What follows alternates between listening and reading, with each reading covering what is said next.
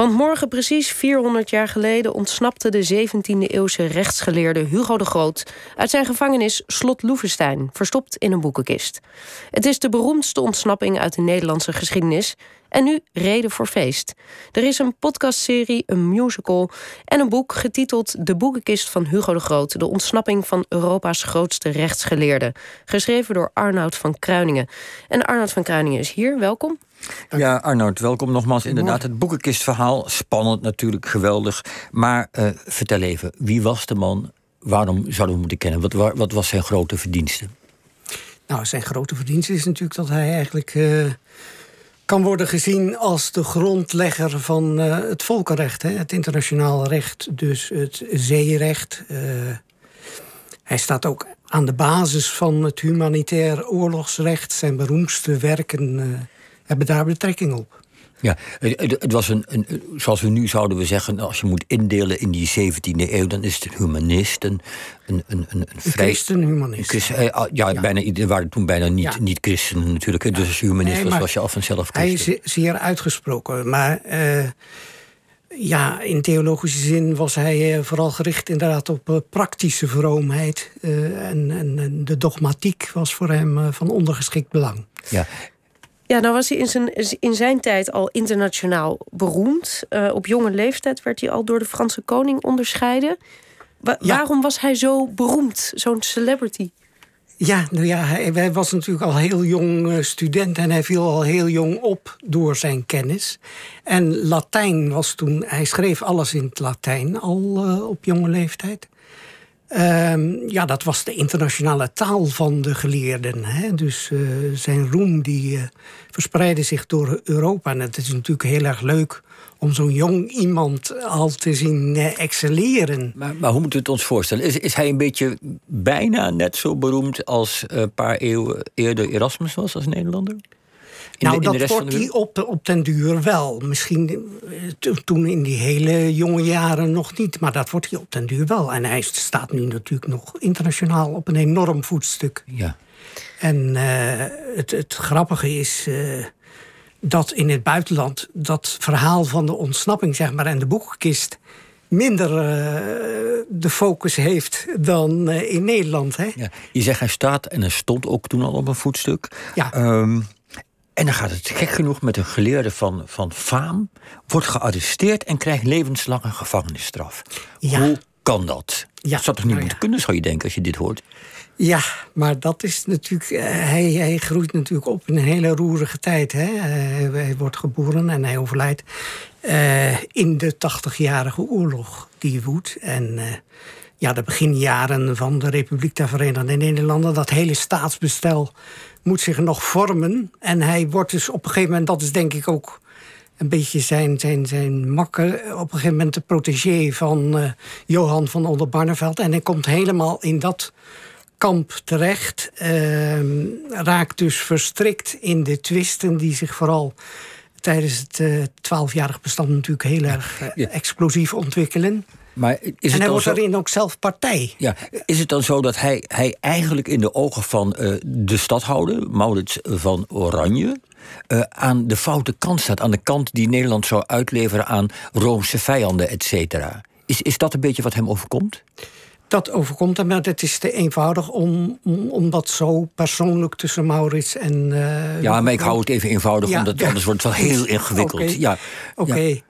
Hij komt in het kamp van uh, Oldenbarneveld van de uh, remonstranten.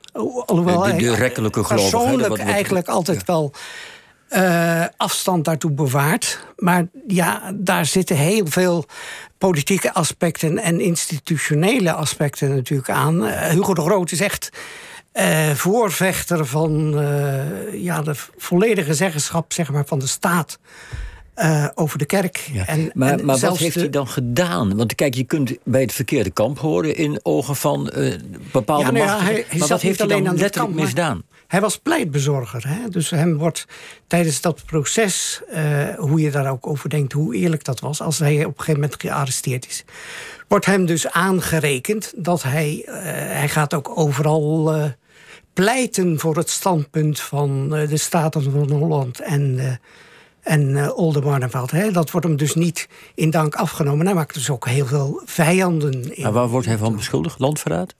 Waar wordt hij van beschuldigd? Hij wordt beschuldigd van verstoring van de orde in kerk en staat. Juist. En dan komt hij terecht in slot Loevestein, een, een luxe gevangenis eigenlijk. Um, hoe, hoe, kwam dat plan? En dan besluit hij te ontsnappen. Hoe, hoe plan dat, kwam dat plan tot nou, stand? Hij besluit dat eigenlijk niet zelf. Uh, het, het, aardige van het ontsnappingsverhaal uh, is dat hij daar eigenlijk. Hij is natuurlijk de held van het verhaal, maar hij komt daar. Zoals het eigenlijk een uh, geleerde professor betaamt, toch af en toe wat klunzig uit. Hè? hij had het nooit gered zonder de hulp van ten eerste zijn vrouw en Ten tweede zijn zeer kordate dienstmeisje. Um, en en de, de, het idee van de ontsnapping wordt dus uh, ja, traditioneel toegeschreven aan zijn echtgenote. En die wordt dus ook echt uh, ja, vaak, vaak afgebeeld als ja, toonbeeld van echtelijke trouw en liefde, hè, die alles voor een man over heeft. En, Want hoe gaat het in zijn werk? Nou, ehm, dan moeten we dus inderdaad even terug naar die gevangenschap in uh, Loevestein. Hem worden dus allerlei uh, privileges verleend en hij kan dus ook studeren. Uh, zijn vrouw mag de kamers waar hij gebruik van mag maken op slot Loevestein ook meubileren. Want zijn goederen worden wel geconfiskeerd, maar aan het eind van dat proces waar hij tot levenslang, tot eeuwige gevangenis wordt veroordeeld Um, dus uh, hij heeft allerlei privileges. Hij mag dus ook studeren en krijgt dus ook geregeld boekenzendingen in de befaamde kist. En die kist wordt aanvankelijk nog wel uh, gecontroleerd, zeg maar. Maar ja, het gebeurt zo vaak en op een gegeven moment verslapt dus de aandacht en wordt niet meer gecontroleerd. En vandaar dus dat waarschijnlijk zijn vrouw of misschien uh, dat het oorspronkelijke idee van het dienstmeisje afkomstig is. Ook een heel charmant idee. Elsje heette ze geloof ik. We moeten haar naam uh, eren. Elsje. Ja, ja, zeker. Ze heeft ook een plek gekregen in de, de beroemde verzameling van vrouwen uit de Nederlandse geschiedenis. Evenals de echtgenoten. Ja. Van, uh, en het lukt dus, dat de afloop kennen we, het lukt dus. Uh, het lukt dus. Ja, er wordt uh, flink geoefend. Door... We oefenen eerst. Zeker, zeker. Door vrouw en man. De vrouw gaat dan dus op de kist zitten en waarschuwt wanneer ze haar man uh, voelt uh, bewegen in de kist.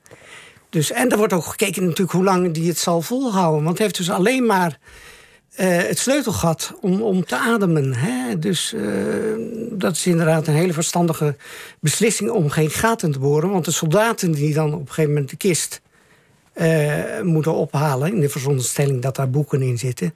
die kijken dus wel van zijn er eventueel... En, en luchtgaten nog bijgemaakt. Ja, en over wat voor afstand hebben we? Ja, ik ben, word ineens heel Hoe lang heeft hij erin gezeten? Hoe lang heeft hij erin gezeten? Hoeveel kilometer ja, of nou hoeveel ja, meter moest afgelegd dus in die tijd overal wat langer over. Maar het gaat over het water naar Gorkum. En in totaal heeft hij dus zo'n twee uur ingezeten. Dus dat is best vrij lang. Ja. Dus vandaar dat, dat, doen, is, dat is uh, volgens mij een risico van ja, nou ja, uh, opgevouwen eigenlijk. Dus hij gaat er ook in, alleen in zijn uh, linnen ondergoed. Hè, dus zo min mogelijk. En hij heeft dan alleen het Nieuwe Testament om zijn hoofd op te leggen. Dus in vromere eeuwen zijn we dan... Ja, hij legde zijn hoofd te rusten op Gods woord. En om die kist is nog heel veel te doen geweest. Um, uh, waar is die kist? Hebben we die nog? Er was vorig jaar was het ook ja. een onderwerp in de televisieserie Historisch Bewijs, omdat er drie in omloop zijn. Um, en het tv-programma zou uitzoeken welke van de drie de echte was. Wat, wat kwam eruit? Ja, nou... Uh, ja. Je begint al te lachen. Dat, maar ga door. ja, dat is misschien heel gemeen. Maar ik vond het bewijs dat, dat in die, die serie vaak werd geleverd, niet altijd overtuigend. En dat gold ook in dit geval. Het was denk ik meer de bedoeling om, om leuke televisie te maken dan om de geschiedwetenschap nou echt een, een dienst te bewijzen, als je het mij vraagt.